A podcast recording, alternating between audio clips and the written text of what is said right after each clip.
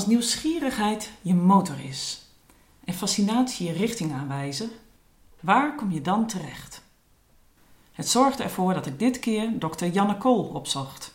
Ze promoveerde in wiskunde aan de Universiteit Utrecht met een proefschrift getiteld Graphs, Curves and Dynamics. Maar naast wiskunde is ze al haar hele leven geïnteresseerd in biologie. Ze werkte in Duitsland en Denemarken, vond daar een manier om kunstmatige intelligentie te verbinden met ecologie, want ze ontwikkelde een tool om het bloembezoek van bestuivers te registreren. We gaan er straks meer over horen, maar eerst een hartelijk welkom aan Janne Kool. Dankjewel. Eh, je bent een grote natuurliefhebber.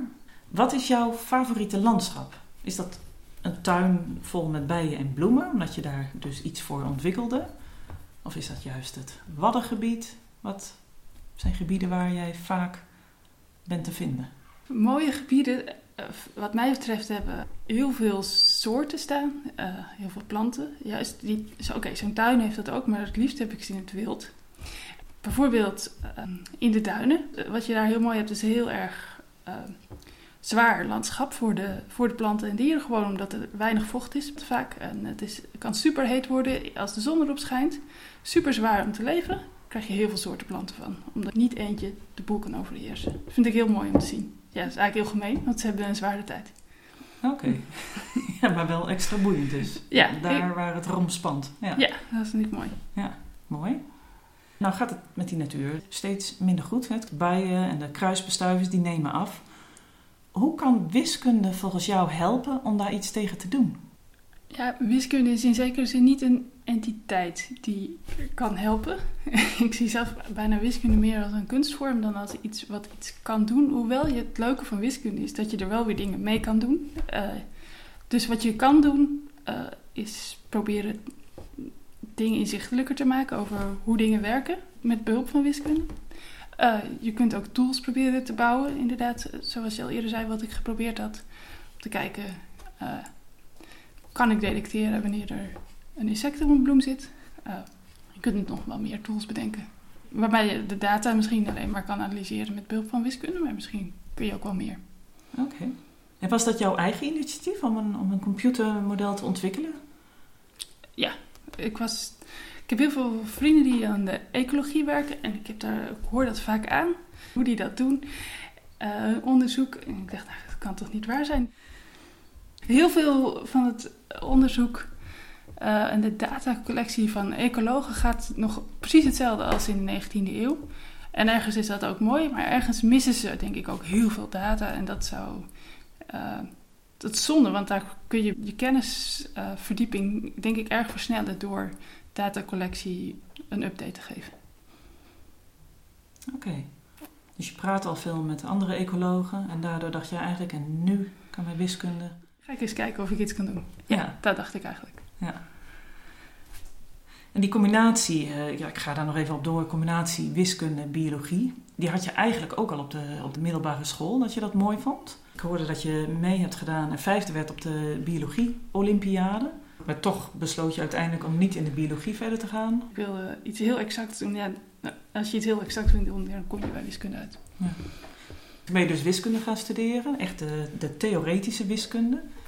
Wat vond je daar het fascinerendste onderdeel in je studie? Of misschien later in je onderzoek?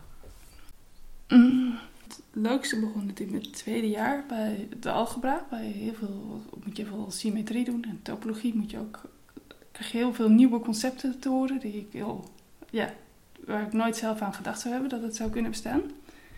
Uh, dat was heel leuk. Mm, wat ook, wat van wiskundig onderzoek dan wel weer leuk is, het zogenaamde gravenreconstructieprobleem. Waar je denkt, als ik het je nu ga uitleggen, denk je nou, natuurlijk is dat waar. En er is nog geen bewijs voor. Als je een graaf hebt, een graaf is het volgende. Je hebt allemaal uh, je hebt knopen, dat zijn gewoon punten. En die zijn al dan niet met een lijntje verbonden.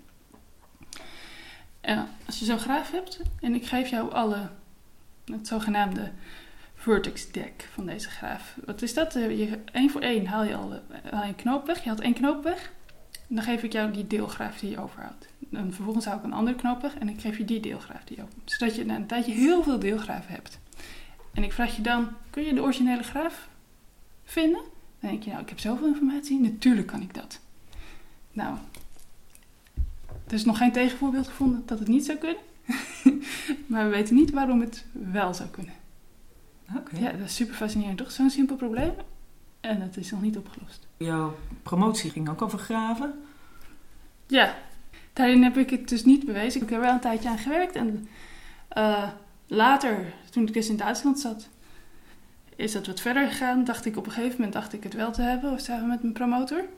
Maar toen zat er toch een denkfoutje in.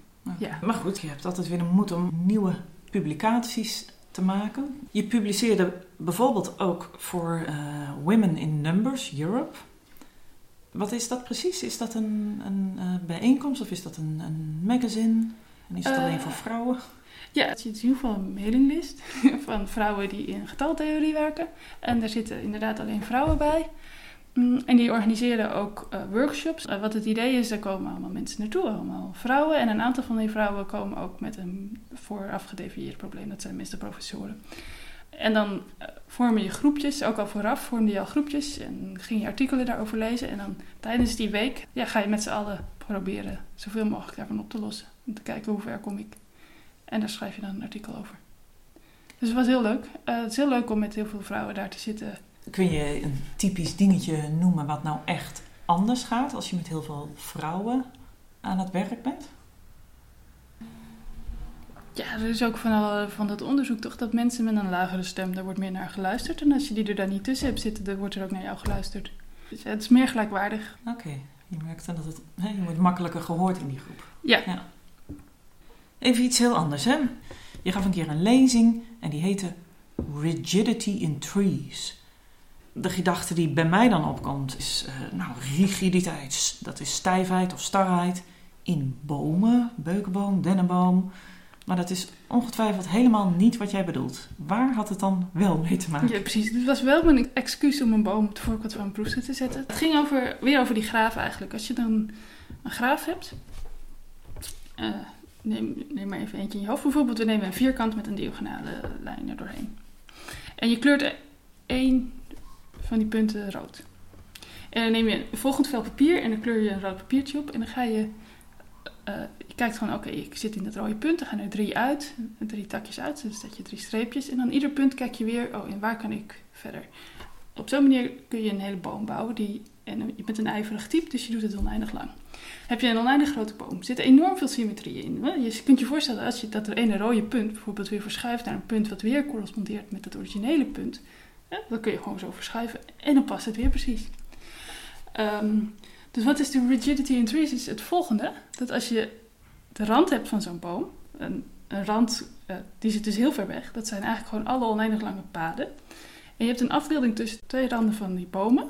En die afbeelding voldoet aan wat eisen. En je hebt ook een bepaald type maat op die rand gedefinieerd. Gewoon, maat is gewoon dat je bedenkt wat is het volume van zo'n stukje van de rand. En als je dan een afbeelding hebt van de rand naar de rand. En je zorgt dat, hebt dat die afbeelding aan wat symmetrie-eisen voldoet. En dat het nooit gebeurt dat er een stukje van volume, positief volume, naar een stukje van nul gaat.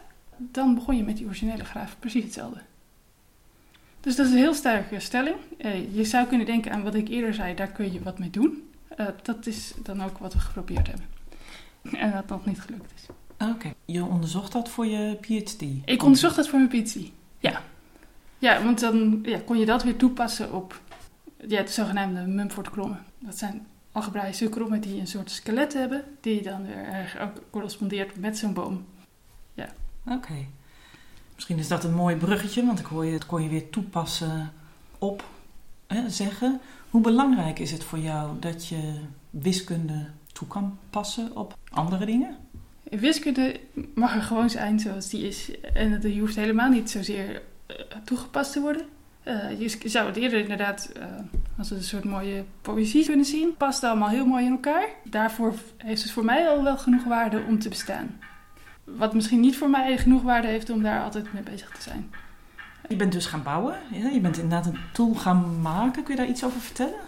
Ja, ik had dus die frustratie dat die uh, ecologen die doen een onderzoek voornamelijk nog met 19e eeuwse methodes. Dus wat ben ik gaan doen? Ik dacht, oké, ik wil graag kunnen zien uh, hoeveel bestuivers een bloem bezoeken.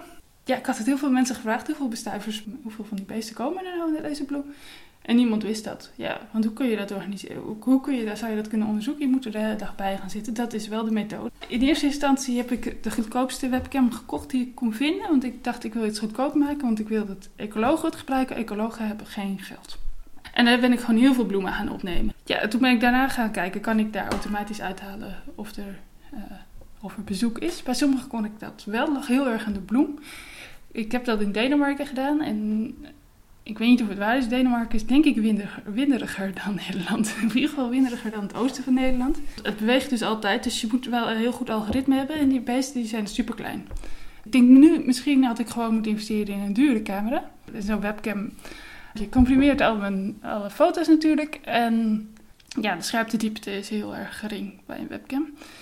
Uh, later heb ik dus een uh, soort GoPro Hingyi gekocht om uh, meer te doen. En ook bleek dat ik een beetje toch te weinig data had, ondanks dat ik mijn zomer besteed had aan filmpjes maken. Toen heb ik een, een hommelnest gekocht. Die hommelnesten zijn gewoon...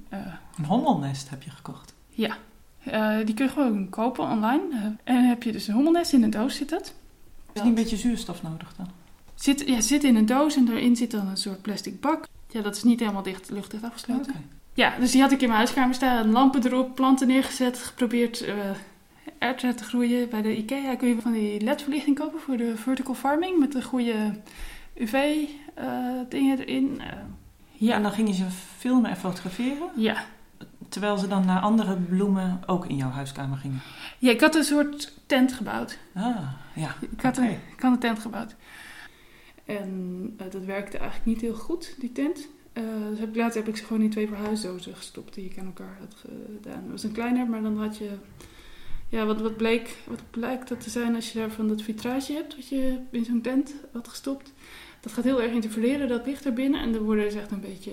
Ja, ze werken bijna als drugs voor ons. Dus dan gaan ze gewoon... Ja, hommels zijn verslag. Ja. De hommels raken volledig verslag, ja. Wat wel werkte dus, is dat ik met die hommels die ik had gekocht, heb ik heel veel plaatjes gemaakt, heb ik, achter, heb ik ze achter groene dingen zo gezet. Ehm, ik had groen papier op de bodem gelegd en dan had ik dus foto's met groen erachter. Kun je er makkelijk uitknippen. Um, dus wat je dan hebt, dan kun je die hommel overal neerzetten op allerlei soorten plaatjes. En dan algoritmes trainen. Oké, kun je de hommel vinden in het plaatje krijg je een leuke dataset. En wat je dan, als ik dan een ander filmpje nam, dan kon die daarop de hommels vinden. Uh, maar dan moest ik wel, dat geef ik hem toe, een ander filmpje dat ik dan binnen gemaakt had. Want de belichting was toch heel belangrijk. En ik heb het in de winter gemaakt en daar is de verlichting natuurlijk heel erg raar. Uh, dus eigenlijk zeg je, ik, ik, deed, ik, ik fotografeerde die hommels op groen papier. Ja. Want dan kun je ze makkelijker uitknippen en dan kun je eigenlijk je data, of je, je in je model, het aanleren van wat is een hommel. Ja, dat was, was het doel. Dat, is, dat die zou zien, dit is een hommel. En dat eh, is redelijk gelukt. Niet helemaal perfect. Soort algoritmes werken nooit helemaal perfect. En je zegt zulke soort algoritmes, welke algoritmes? Ja, dit, dit is een typische deep learning-achtige algoritmes. Het hele idee is, je hebt zo'n zo'n algoritme, uh, je stopt er gewoon, de meeste van die dingen hebben bijvoorbeeld 8 miljoen parameters. En dan ga je die 8 miljoen parameters ga je trainen en dan worden er heel veel nul en heel veel worden er. Je zegt gewoon ze mogen niet te groot worden. Je weet niet wat. Je, ja, het zijn er 8 miljoen, daar heb je geen overzicht over. Dus je hebt geen idee wat er gebeurt. Eigenlijk is het gewoon dat er heel veel. Ja, het werkt. Dat is maar ook wel weer spannend dat je dus eigenlijk bezig bent met iets waarvan je zelf net niet helemaal het idee hebt. Waarom het werkt? Nee, ik weet niet waarom het werkt eigenlijk. Ja. Hey, maar goed, je bent wiskundige. Ja. En toch ben je je dus steeds meer bezig gaan houden met uh, machine learning technieken. Uh, systemen die werken op basis van, van ja, deze. voorbeelden, van, van die hommel bijvoorbeeld.